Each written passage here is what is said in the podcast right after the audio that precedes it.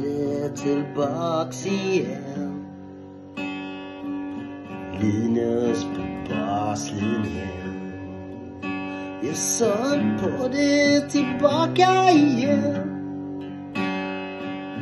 Linus på baslinjen. Ett av de svåraste slagen i tennisen men också ett av de absolut viktigaste är ju serven. Och precis nyligen så har House of Montin fått in ett nytt träningsredskap just för att underlätta den här inlärningen. Berätta mer om det Petter Bontin. Det stämmer Linus. Eh, Ett revolutionerande verktyg som heter Tossmaster. eh, Som också är framtaget av grundaren och skaparen till Surmaster, vårt eh, andra populära servträningsverktyg. Just det, får jag flika in där, Lisa Dodson som har varit med i min podcast tidigare om man vill lyssna på det. Exakt. Och det är en kan man säga interaktiv guide. Det är en stor matta med olika eh, markeringar för att för tränaren och inte minst för spelaren såklart att förstå fotposition, stance, bollkastplacering för att kunna genomföra en flack, en slice eller en kickserve. Just det, precis. Eh, så Toastmastern kommer kunna hjälpa spelarna på egen hand öva rätt men är också ett verktyg för oss tränarna då för att få spelarna att snabbare förstå och greppa vad som ska göras vid eh, uppkastprocessen. Eh, och den blir ju lite mer visuell med hjälp av mattan för att få spelarna att ännu bättre lära sig det här.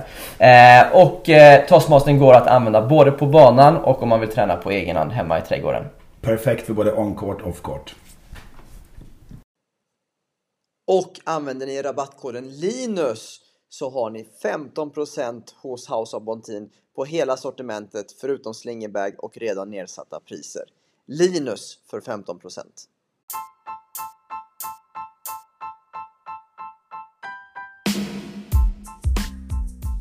Sanningen att säga så lyssnar ni på ett nytt avsnitt av Linus på baslinjen podcast och det här är del 3 i baslinjeutbildningen, hela Sveriges tennisutbildning.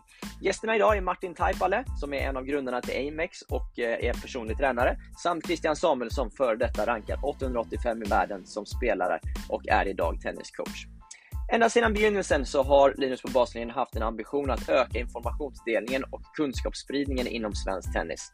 Det här är ytterligare ett steg i den riktningen när vi tar ett ordentligt utbildningsgrepp på Tennissverige genom den här unika utbildningsserien. Här grottar vi ner oss mer konkret i hur vi praktiskt jobbar med olika bitar inom och runt tennisen. Idag i det här tredje avsnittet så pratar vi serve och mer specifikt hur man får hastighet i serven. Bland annat kommer vi in på mycket som är teknik och mycket som är, tak- eh, som är fysik när det gäller att serva hårt. Vi pratar om hur mycket man kan och bör träna serve, vilka fysiska egenskaper som är viktiga för serven, ifall kaströrelsen verkligen är lik servrörelsen, olika idéer hur man kan träna serve på olika sätt. Vi pratar om fördelar och nackdelar med att stå isär med fötterna eller dra ihop dem i serven. Vill ni tänka, kan ni tänka er att bli Patreon-supporter så tryck på länken i avsnittsbeskrivningen. Då får ni också chansen att ställa egna frågor till kommande gäster. Det är något som bland annat Jonathan Lundstedt och Sebastian Löv har, eh, har gjort eh, och det är deras frågor som vi tar upp i det här avsnittet. Nu kör vi!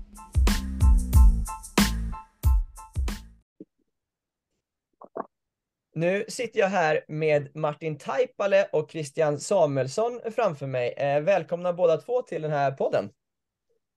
Tackar, Tack så tackar. mycket. Och vi ska ju prata om serve idag eh, och hur man jobbar upp hastigheten i serven och tränar serve eh, smart och skonsamt har jag skrivit i mitt intro här. Så jag tänkte börja med, med liksom första frågan.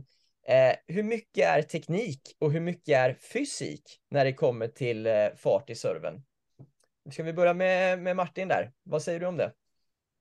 Eh, ja, alltså jag kommer ifrån fysiken kanske mer i mitt jobb, men eh, om man säger så här, de är ju såklart båda sjukt beroende av varandra för att om du inte har någon teknik eh, som vi ser på alla tester som vi gör så så spelar det ingen roll hur bra fysik du har. Sen är det klart att det, det alltså att få fart på bollen är ju enklare om du har fart på kroppen. Så att Mm. någonstans måste du ju ha fysiska resurser för att kunna för att kunna liksom få fart på din racket. Så att, sen är det väl lite mer så här vart bollen hamnar eh, och, och precisionen och kunna återupprepa en serve. Det är ju det som är liksom det kanske ännu mer det slutgiltiga. Att det, det, som, som sagt, det spelar ingen roll hur, hur bra fysik du har om du faktiskt inte träffar träffa bollen eller om du inte kan återupprepa serven eller så att olika nivåer av spelare så ser man att det är ganska stor skillnad på på, på tekniken. Det är ju det som kanske är mer avgörande för hur bra du ska bli. Men eh, finns det ingen resurs från första början så tar du en åttaåring som är, som är duktig på, på att liksom få racketen att röra sig som den ska. Mm. Eh, men du utvecklar inte fysiken utan du är kvar som åtta års ålder i, i, i fysiskt sett i, i, resten av ditt liv så kommer du bli uppäten ändå. Liksom. Eh, så att de är ju väldigt beroende av varandra. Just det, just det, just det. Eh, Christian, du har ju liksom en fantastisk serv. Eh, eh, hur, hur, eh, hur mycket är, liksom, är teknik för dig och hur mycket tror du det handlar om din fysik? Att du får upp som fart? Jag tror mycket som Martin faktiskt att, eh, att teknik är absolut, eh, det är ju grunden, det är det viktigaste för att överhuvudtaget kunna utnyttja styrka och, och explosivitet kanske. Mm. Eh, så att eh, teknik skulle jag säga att det är det viktigaste. Och sen eh, tror jag att med en bra fysik styrka så kan du maximera din serve tror jag. Just det. Hur mycket tränade du serve som, mm. som junior Christian? Varför tror du att du fick en eller har, har skapat en så bra serve? Mm, jag tror, alltså först och främst tror jag att jag har servat otroligt mycket. Jag tror mm. att det, det, det är grundläggande. Alltså jag tror att det är, det, det är en stor faktor till att jag servat rätt så bra. Mm. Eh, för att jag tror att eh, alla kan serva bra stundtals, men att sova bra över tid och kunna göra om och om igen eh, kräver väldigt mycket repetition.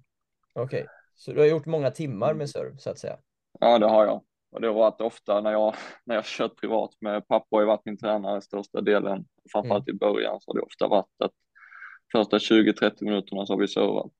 Okej, okay. okej. Okay. Eh, och därefter så har vi då kört mycket med, med korg och så, jag har kört själv med honom, men då grundslag liksom.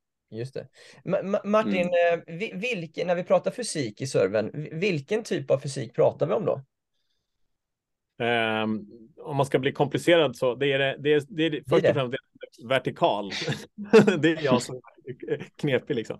Nej, men allting som är vertikalt, att kunna Alltså kunna trycka med benen rakt upp i luften, alltså hoppa i princip, ha, ha bra tryck i, rakt ner i golvet så mm. att du kan lyfta. Det, är inte, det, det, viktigaste är inte att kunna hoppa så högt som möjligt såklart, men vi ser ju att det är en, en grundförutsättning att ha bra spänst i benen. Sen mm. så alla servar ju på olika sätt. Jag hade till exempel inte speciellt bra spänst i, i, i, benen för att kunna hoppa högt, men jag var väldigt rörlig och kunde komma väldigt djupt ner i benen. Så att allting handlar ju egentligen bara om att kunna explodera uppåt och sen som man säger lateralt, alltså sidled så här. Så att det, det, det, det, det, är, det är sjukt viktigt att kunna eh, få de grundförutsättningarna att fungera för att armen ska kunna göra sitt jobb. Så att det viktigaste är ju att kunna såklart ha en sjukt snabb arm. Alltså att kunna kasta är ju det, det absolut viktigaste. Kan man inte kasta så kommer man inte kunna ha en bra teknik i serven heller. Eh, och det är precis som att springa. Jag brukar säga till de som, är, de som vill springa maraton som kommer till mig och säger så här, ja, men jag tänkte springa maran nästa år, vad, vad, vad ska jag träna? Och så då säger vi så här, ja, men om du kan springa i 25 kilometer i timmen, alltså springa snabbt. Mm. Eh, det brukar vara förutsättningen för att ha bra teknik, alltså spring, kunna springa snabbt. Ja, eh, ja. Och, och, kan de inte springa fort innan de ska springa långt så är det ingen ja. idé att börja med att försöka springa långt. Och det är samma sak i serven är att om du ska serva 40 timmar. Mm. Nu är ingen som skulle göra det under en vecka, men ska du serva liksom väldigt många timmar under, säg en Grand Slam mm. eh, och det ska hålla så måste du ha en bra teknik först och främst så inte axeln eller någon annan kroppsdel ska kollapsa på vägen så att det blir väldigt skonsamt och energieffektivt liksom så att du inte slösar massa energi på, på flera ställen och, och, och eh, får ont. Så att att kunna, att kunna ha en bra kaströrelse är ju sjukt viktigt. Och sen är det ju lite mer olika strategi hur folk, de duktiga servarna gör för att komma tillväga med, med att få, få fart på bollen. Liksom. Men jag hade inte så bra, bra tryck i benen, men jag var väldigt bra på att komma djupt ner i benen och, och skapa i alla fall lite sträcka så att jag hade tid att accelerera.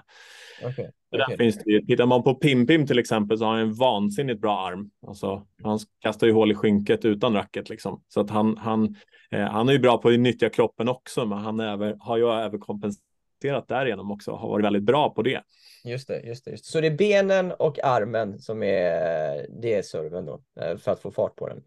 Ja, precis. Och sen så behöver axlarna kunna skifta plats liksom, så att man behöver kunna ha en bra sidböj Ja, just och extension i överkroppen. Så det är de fysiska delarna liksom. Just det. Christian, vad, vad, vad, vad, liksom, vad är din styrka där, tror du? Är är det från benen eller från axeln? Jag tror det är mest från axeln, helt klart. Eh, Sen tror jag att en bra, för mig är serve också mycket timing och rytm. Har du bra Mm. flyt i serven så, så blir det klart mycket enklare. Mm. Och jag är rätt mycket för en relativt snabb serverrörelse. Det, det är rätt så, man kan ju serva på olika sätt, men jag tror att en rörelse utan stopp är Mm. en bra serverrörelse, tror jag. Du, du, eh, du Mm. sa att ni tränade liksom ofta serve i början av träningen. Eh, Mm. är, är det när du är tränare nu till exempel, lägger du också serveträningen först på träningarna? Eller Det har jag gjort. Det är lite både och. Jag gör inte det alltid, men eh, jag vet inte. Jag har väl hört lite olika att ja, men det man gör första 30 minuterna, det är det man har mest ut av, av träningen. Ja. Sen vet jag inte om det stämmer, men av den orsaken så kan det vara bra att börja med serveträning ibland eftersom att serven är ett relativt viktigt slag. Just det. För, för att eh, när, när man tränar serve då, kanske framförallt eh, att få fart i serven, hur, hur har du några förslag på, eh, Christian, på, på hur man kan träna det? Tränade du liksom alltid på att serva i rutan så att säga eh, mot koner eller hur, hur brukar du lägga upp träningen på det sättet? Just för att få fart i serven så är det en, framförallt en övning vi har gjort mycket och det är att vi har servat mycket från servlinjen, egen servlinje och utmanat oss själva. Vi har tävlat lite mot varandra med att få bollen att studsa så högt upp på väggen som möjligt efter att Ja. bollen har studsat i, i servrutan på andra sidan. Okej, okej. Det är en övning vi har gjort, sen vet jag inte egentligen om det har, men det har vi i alla fall tävlat lite mot varandra och försökt att, att förbättra det. Just det. Eh, Mm. Och sen tror jag som Martin sa att kasta mycket. Jag vet inte. Jag har väl hört också att kastar man för mycket så ökar skaderisken kanske, men att har man en bra kaströrelse Mm. så absolut hjälper det serven väldigt mycket. För det, det var en fråga som jag, jag fått in från en, eh, en lyssnare faktiskt, eh, som jag, när jag berättade att jag skulle snacka med er två, och, och han undrade där, han, han skrev att man har hört mycket att serven är en kaströrelse, eh, och därav kanske man skulle behöva träna mer på att kasta bollar. Hur kan man tänka där? Är, är, är serven och kaströrelsen exakt likadana? Någon av er? Ja, jag kan väl sticka ut näsan där. Eh, de är ganska lika. Det som jag Alltså, den, den, stora skillnaden är ju var, var handen är när du släpper kastet. För att när vi kastar någonting så brukar vi oftast kasta lite mer på sidan av kroppen. Eh, men när vi servar, eh, den stora skillnaden är att armen och axeln är oftast, på de som gör det ganska bra, den är oftast på samma ställe i förhållande till kroppen. Det är bara att kroppen är mycket, mycket mer lutad. Så att Mm. armen är högre upp för att vi är mer liksom sidböjda. Just det. Eh, så att, så att det på, på så sätt så är det alltså positionen på axeln och handen och, och, och, och så vidare i förhållande till kroppen är hyfsat lik. Eh, sen precis som Christian säger att det, det är väldigt lätt att, att, att, att ha sönder sig beroende på om man kastar väldigt mycket. Och tittar man till exempel som vi har en, en tränare här som kommer från baseball eh, som jobbar hos oss som är fantastiskt duktig på att lära ut kast. Eh, och de är ju bäst i världen på att se hur, liksom, hur ska man få fart på handen så mycket som möjligt. Och det är därför vi har tagit in honom också, för han är duktig på att lära ut det här. Och det som är kanske den viktigaste faktorn om man tränar på alltså hög fart, rörelse, mm. oavsett om det har med att springa att göra eller om det har att kasta eller serva, det är ju att det är den här nyttjandegraden kring om jag ska försöka serva så hårt som möjligt. Eh, om jag servar 100 procent, allt vad jag kan. Eh, det svåra i att serva 100 procent är ju att slappna av. Mm. Det är väldigt svårt när du kommer upp på hög nyttjandegrad att kunna göra det avslappnat. Så att det svåra är att se hur, hur, vid vilken procent av fart, alltså effekt, klarar jag fortfarande av att vara avslappnad? Och det är där man oftast brukar säga, man hör ju många som säger så här, ah, men när jag servar 80 procent så, så sen känns det som jag servar lite hårdare när jag tar i allt vad jag kan. Mm. Och det är för att man spänner sig och man låser massa olika delar av kroppen. Så att försöka alltså göra kaströrelser på så hög fart som det går, men fortfarande vara avslappnad är mycket mer gynnsamt för att hålla sig hel längre tid också än att försöka kasta bara hårdare. Eh, sen finns det ju saker som vi kan träna vid sidan av för att bli starkare och få mer fart till exempel. Och det får man ju göra vid alltså, andra tillfällen av träning, till exempel fys eller man tränar axlarna i olika liksom, eh, rörelser i rotationer och vad man nu kan göra. Men det. så det, det är någonting som ligger utanför. Men det är som någonting vi ser som är väldigt, väldigt viktigt är att de flesta blir skadade för att man trycker på hårdare än vad man klarar av att slappna av med. Okej, okay. men, men, i den optimala av världar då? Eh, nu förstår jag att det är ju lätt att man, man tar tennisbollar och kastar för man har en hel hink med det. Är, det. är det bäst att träna med att kasta tennisboll eller skulle man hellre kasta något tyngre eller skulle man hellre kasta, vissa kastar ju rack till exempel, ibland trasiga rack då förhoppningsvis. Eh, vad, vad, är, vad är optimalt att träna på att kasta då? Eh, vi kastar ju med baseballs Alltså för ja. få lite vikt, för det vet man ju alla som är lite äldre när man kastar någonting och desto äldre man blir, desto hårdare man kan kasta när man börjar bli lite mer muskulärt eh, mm. bättre, liksom starkare. Då ser man ju att då blir det lite mer overuse på axeln och då behöver man ju lite tyngre saker. Men då kanske det inte är prioritet att kasta boll, utan då kanske rörligheten är det som stör. Eh, så att, så att att kasta tennisboll ska man ju göra. Gör man det, gör man det antingen i yngre ålder Mm. Kanske så här mellan, mellan eh, 6 till 10, 12 kanske. Det beror lite på fart. Och de mm. flesta brukar ju säga till ganska snabbt så här, det gör ont i armen, säger de. Eh, mm. då är det ju klart med det redan där. Men det, man, det betyder inte att man inte behöver kasta mer, utan man kan ju kasta till varandra från servelinje till servelinje eller baslinje till servelinje eller att ha, ha en lite kortare sträcka men att träna rörelsen avslappnat Kasta tennisracket trasig eh, är ju såklart ännu bättre, för då har du några hundra gram som du ska få iväg. Så det är ju att föredra. Just det, just det, just det. Eh, jag är med, jag är med. Eh, jag hade också fått en fråga här. Eh, när, när serven lärs ut, ska man jobba med att spelarna Eh, ska man jobba, eh, ska, man, ska spelarna träna med racket i början på sin rörelse eller utan racket när, när man lär sig ladda och kanske jobba med rotationen? Eh, eh, vad tänker ni där? Vi kan börja med Christian då som tennistränare. Ja, det är en bra fråga. Jag har faktiskt aldrig testat något annat än att träna med racket. Eh, men förenklat, ofta har vi börjat från axeln. Just det och, och försöka göra det enkelt på det viset att mest träna uppkastet och, och rörelsen från axel upp mm. över huvud liksom. Precis. Det var så du började serva eller? Ja, det var det. Just det. Sen eh, tror jag absolut som Martin sa att yngre ålder att kasta mycket boll, alltså generellt, det kanske inte alltid måste vara så långt och så hårt man kan, men att få in kaströrelsen mm.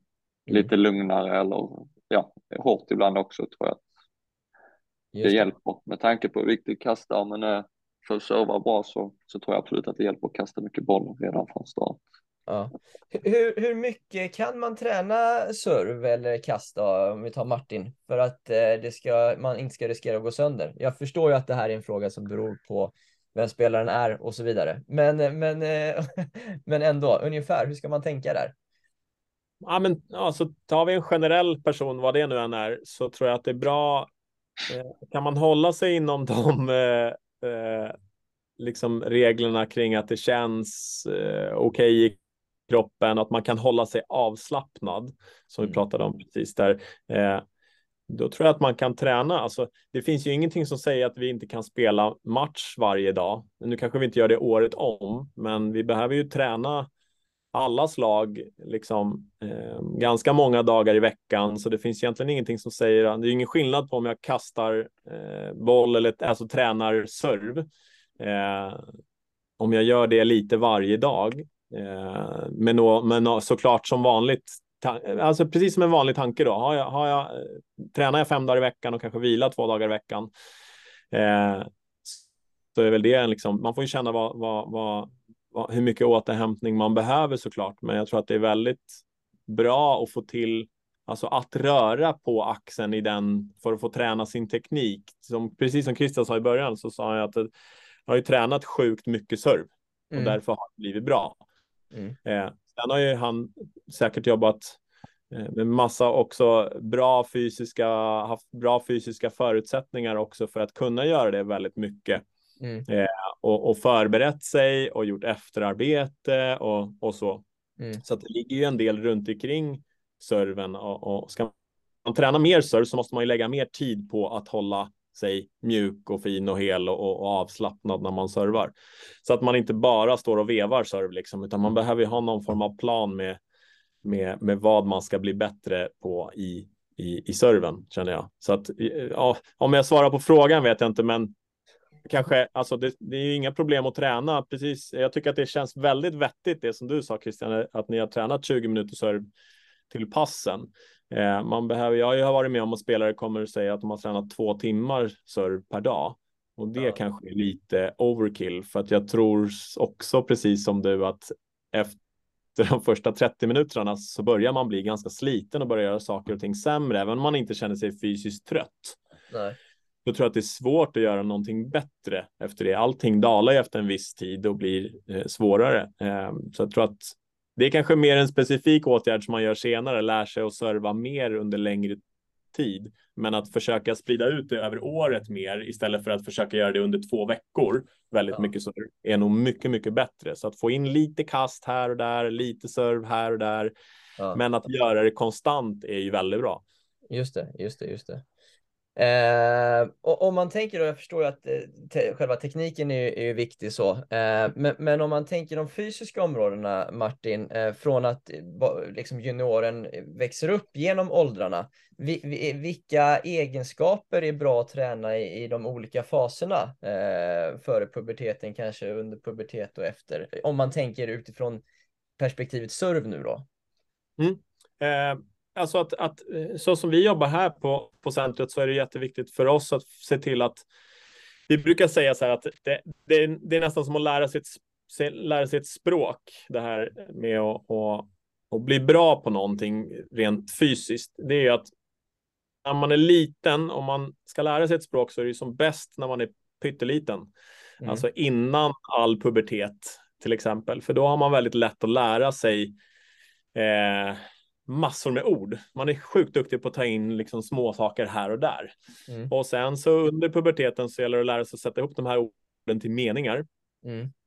Och sen efter puberteten så lär man sig att sätta ihop de här meningarna eh, vid rätt, i rätt situation till rätt, liksom, i, i rätt sammanhang. Mm. Eh, och om man ska göra det fysiskt för, för, för, eh, för en serv till exempel så är det ju sjukt viktigt att till exempel då lära sig att kasta så att motoriken för att få armen att kunna gå på Mm. rätt sätt Mm. och lära sig att hämta fart till exempel. Mm. Det är inte farten som är det viktiga utan eh, det är att lära sig att kasta som är viktigt. Mm. Sen under, under eh, nivå två där på, på under puberteten, det är då det börjar hända ganska mycket styrkemässigt och då kan man ju faktiskt träna eh, träna en hel del med, med alltså lättare styrka, börja med sådana saker och Mm. eh, speciellt fart. Så att då behöver man försöka alltså, kasta hårt. Mm. Mm. Eh, styrkan kommer ju lite på köpet där, men då är det lite mer fart. Och sen så efter, när man har börjat fått upp farten och börjar liksom bli naturligt snabb, det är då man behöver börja liksom all tyngre styrka och uthållighet. För att när du har börjat bygga muskler under puberteten kring de här musklerna, musklerna kostar ju syre, så att när de blir större och större så kommer de börja kosta energi. Eh, Eh, Och när de blir trötta så kommer de bli överansträngda och så kommer de göra ont. Så Mm. att om vi inte har byggt upp först motoriken och hur det ska röra sig, alltså Mm. rö rör rörelsen och rörligheten, så kommer det vara väldigt svårt att skapa kraft, alltså fart under puberteten och sen så kommer det vara väldigt svårt att få rörelseekonomi, alltså kondition och power när vi ska börja ta i när vi är efter puberteten. Så det är lite Ja. så det funkar och det gör det med alla kroppsdelar. Ja. Men det gäller ju serven med. Så att, att stå och slå väldigt, väldigt mycket servar när man är liten tror jag är, jag tror att det är mer gynnsamt om du har gjort det eh, eh, förberedande barnarbetet eller vad vi ska kalla det för när man är jätteliten. Eh, eh, och, och, kastat boll mycket och, och lekt en del liksom med, med, med armen så, och, och lärt sig, då är det mycket lättare att hålla sig skadefri när man blir äldre också på grund av att du har motoriken. Det är de som inte kan kasta när de är äldre. De ser vi, det tar ju sjukt lång tid att lära en 17-åring att kasta. Just det. Men jag tänker, men för att lära sig liksom själva servtekniken. Jag förstår att det är, man kan träna kast och så vidare, men man behöver ju också träna på att serva, tänker jag. Eh, Absolut. Liksom, eh. Absolut, och det är ju en del i den processen. Så att oavsett om du kastar boll, eh, alltså lära sig alltså att, precis som Christian har gjort, han har ju stått och servat sjukt mycket. Det måste du göra hela vägen. Ja. De här sakerna som jag jobbar med, det är ju bara under alltså stödsystem för att det ska göra det enklare för dig att eh, både inte gå sönder och för att få en stor verktygslåda att serva med när du börjar bli äldre. Och jag vet att även om Christian servar sjukt hårt så är han ju sjukt nöjd om man kan komma undan med att vinkla ut bollen i 160 någon gång ibland. Liksom. Eh, säkerligen. säkerligen. Eh, hur, hur, mycket, hur mycket teknik har du tränat genom åren, Christian? Eh, just serve tänker du? Ja, jag tänker serven, ja, precis. Mm, eftersom att vi pratar om serve. Ja, alltså jag, jag har ju servat på lite olika sätt också. Jag har eh, alltså när jag var yngre, så här är det. Uffe då, pappan som är tränare, mm. han har alltid prioriterat serven. När vi var små så var det det sista vi tränade. Alltså vi fick lära oss serva rätt sent och jag vet fortfarande att spelarna i Åhus tennisklubb servar generellt lite sämre än andra klubbar när vi är 10-12 så att jag tror inte att vi har Även om det är viktigt att serva mycket när man är liten så tror jag inte att vi har servat så mycket när vi är små utan vi har lärt oss vi har servat mer ju äldre vi har blivit. Okej. Okay. Och, och, då, ja. och sen har du tränat mycket serve? Eh, Säg från 12, ja, från 12-13 års ålder när jag började köra lite extra med pappa då tidiga månader och så här, så då har vi börjat serva väldigt mycket. Mm. Men inte som vi sa innan två timmar åt gången utan det är snarare så 20-30 minuter mm. i början av passet, ibland i slutet av passet också, men ofta har vi börjat med att serva. Under din tid när du blev äldre sen, har du liksom slipat din teknik eh, under tiden eller har tekniken, den satte sig och så har den följt med dig eller? Så jag, ja, det var det jag var på väg att säga. Jag, jag har ju servat på lite olika sätt. Jag tror att kastarmen, alltså min arm har varit snabb från, från start. Mm. Eh, men tekniskt, jag menar, först och främst så tror jag att jag hade relativt lätt för för servtekniken. Men jag har servat på olika sätt. För att vid, en, vid ett tillfälle när jag började gymnasiet så stod jag med fötterna ihop. Mm. Eh, som Mon Fiss gjorde ett tag.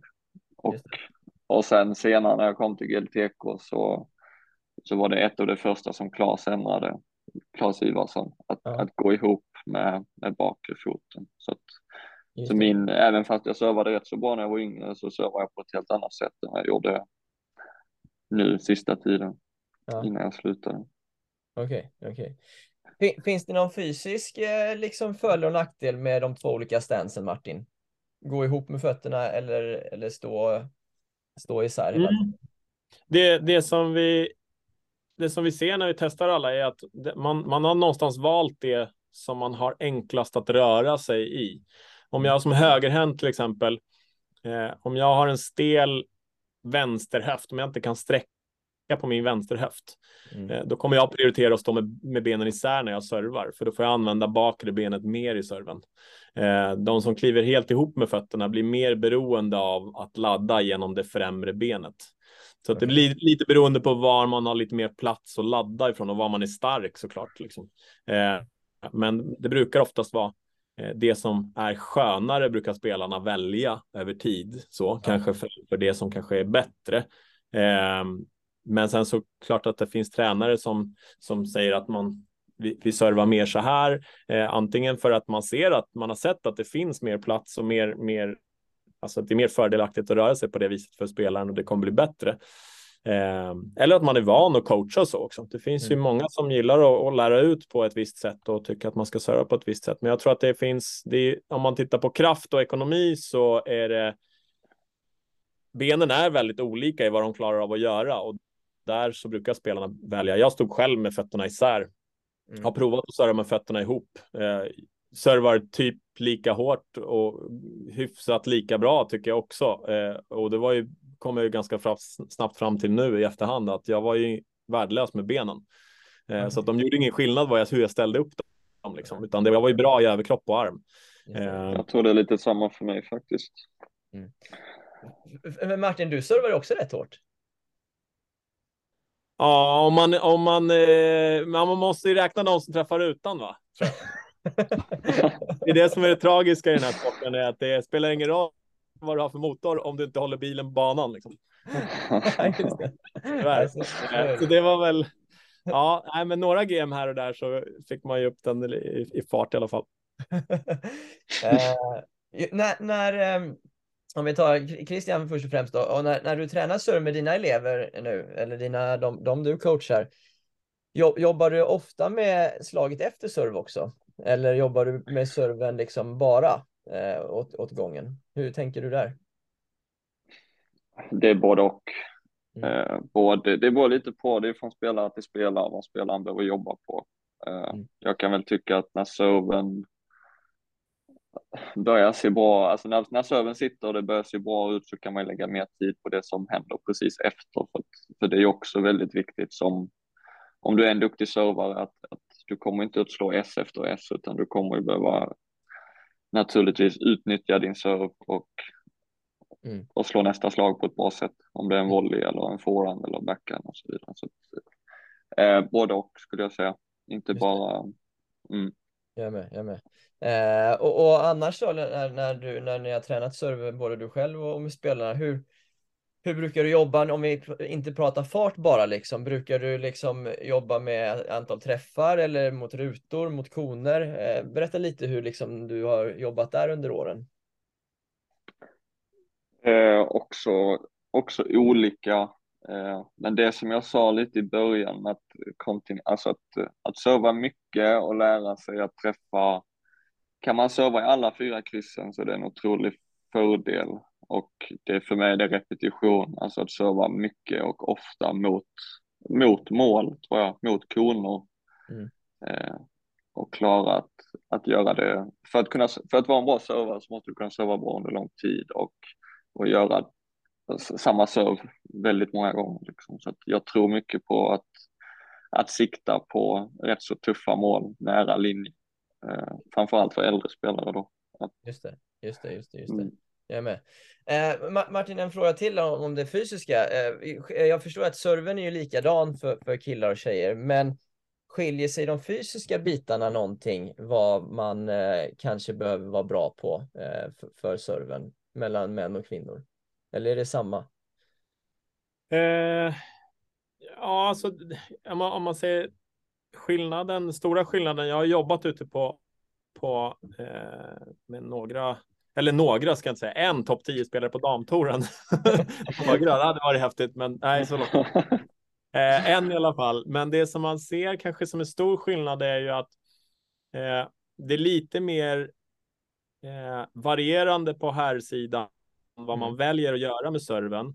Mm. Eh, det är inte, det är inte så att man eh, att tjejerna känner liksom att, eh, eh, alltså, att de inte förstår det. Det handlar ju också om vad kan du faktiskt göra med kroppen? Alltså att kunna serva, eh, om du är högerhänt, att kunna serva bollen långt utåt, om man säger åt fel håll, liksom. alltså mm. i, i, i, backhandrutan och kunna få bollen att gå utåt och inte hamna inåt mot spelaren. Det är ju en tillgång för att kunna liksom spreta spelet mer åt alla olika riktningar och öppna upp banan och tänka taktiskt kring vad som ska hända, som Christian sa, kring slag nummer två, så att du inte bara försöker serva hårt i, i kryssen. För att möter du någon spelare som är duktig på att flytta sig lite grann i ett, ett och ett halvt steg så kommer de, det blir nästan bara bättre för dem om det kommer i plus 200 kilometer i timmen rakt i gapet. Eh, mm. Så att det gäller ju att kunna förstå det där och se det och veta och byta liksom och vara, vara framför allt vara bekväm i att byta så att man eh, vet inte om du känner så Christian, men när jag servade som bäst i alla fall så kände jag i alla fall att det, det handlar väldigt mycket om att göra den andra obekväm, eh, alltså 80 procent av gångerna snarare än att jag skulle vara bekväm i vad jag skulle göra.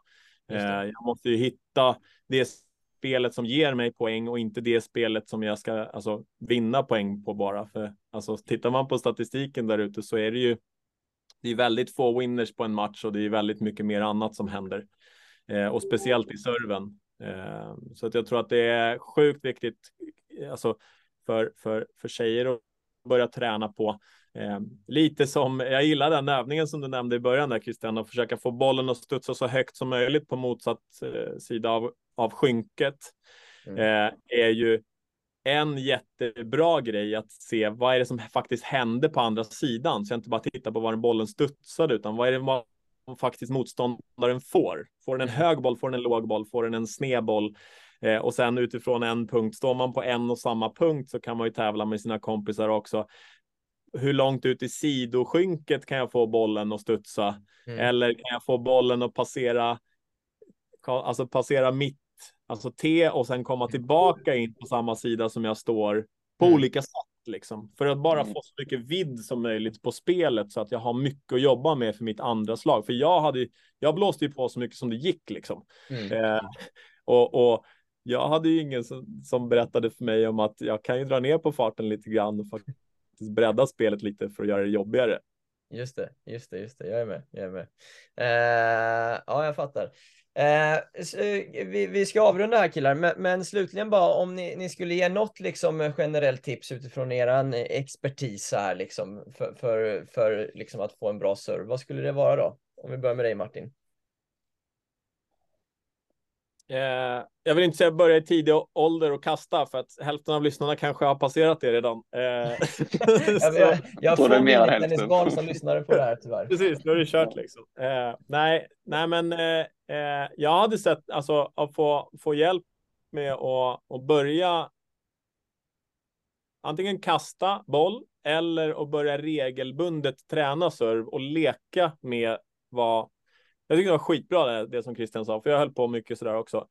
Spreta serven och testa och slå så mycket olika typer av servar som det bara går.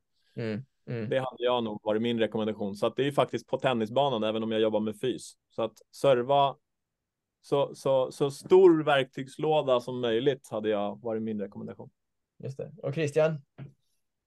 Min första spontana tanke är att serva, serva väldigt mycket liksom. Serva försök få med serven ofta och framförallt från eh, i äldre åldrar, kanske inte från absolut början, men från eh, 12, 13, 14 och sen ju äldre du blir, ju viktigare blir det att serva mycket och, och lära sig att, att serva konsekvent på, mot alla, alla hörn så att säga.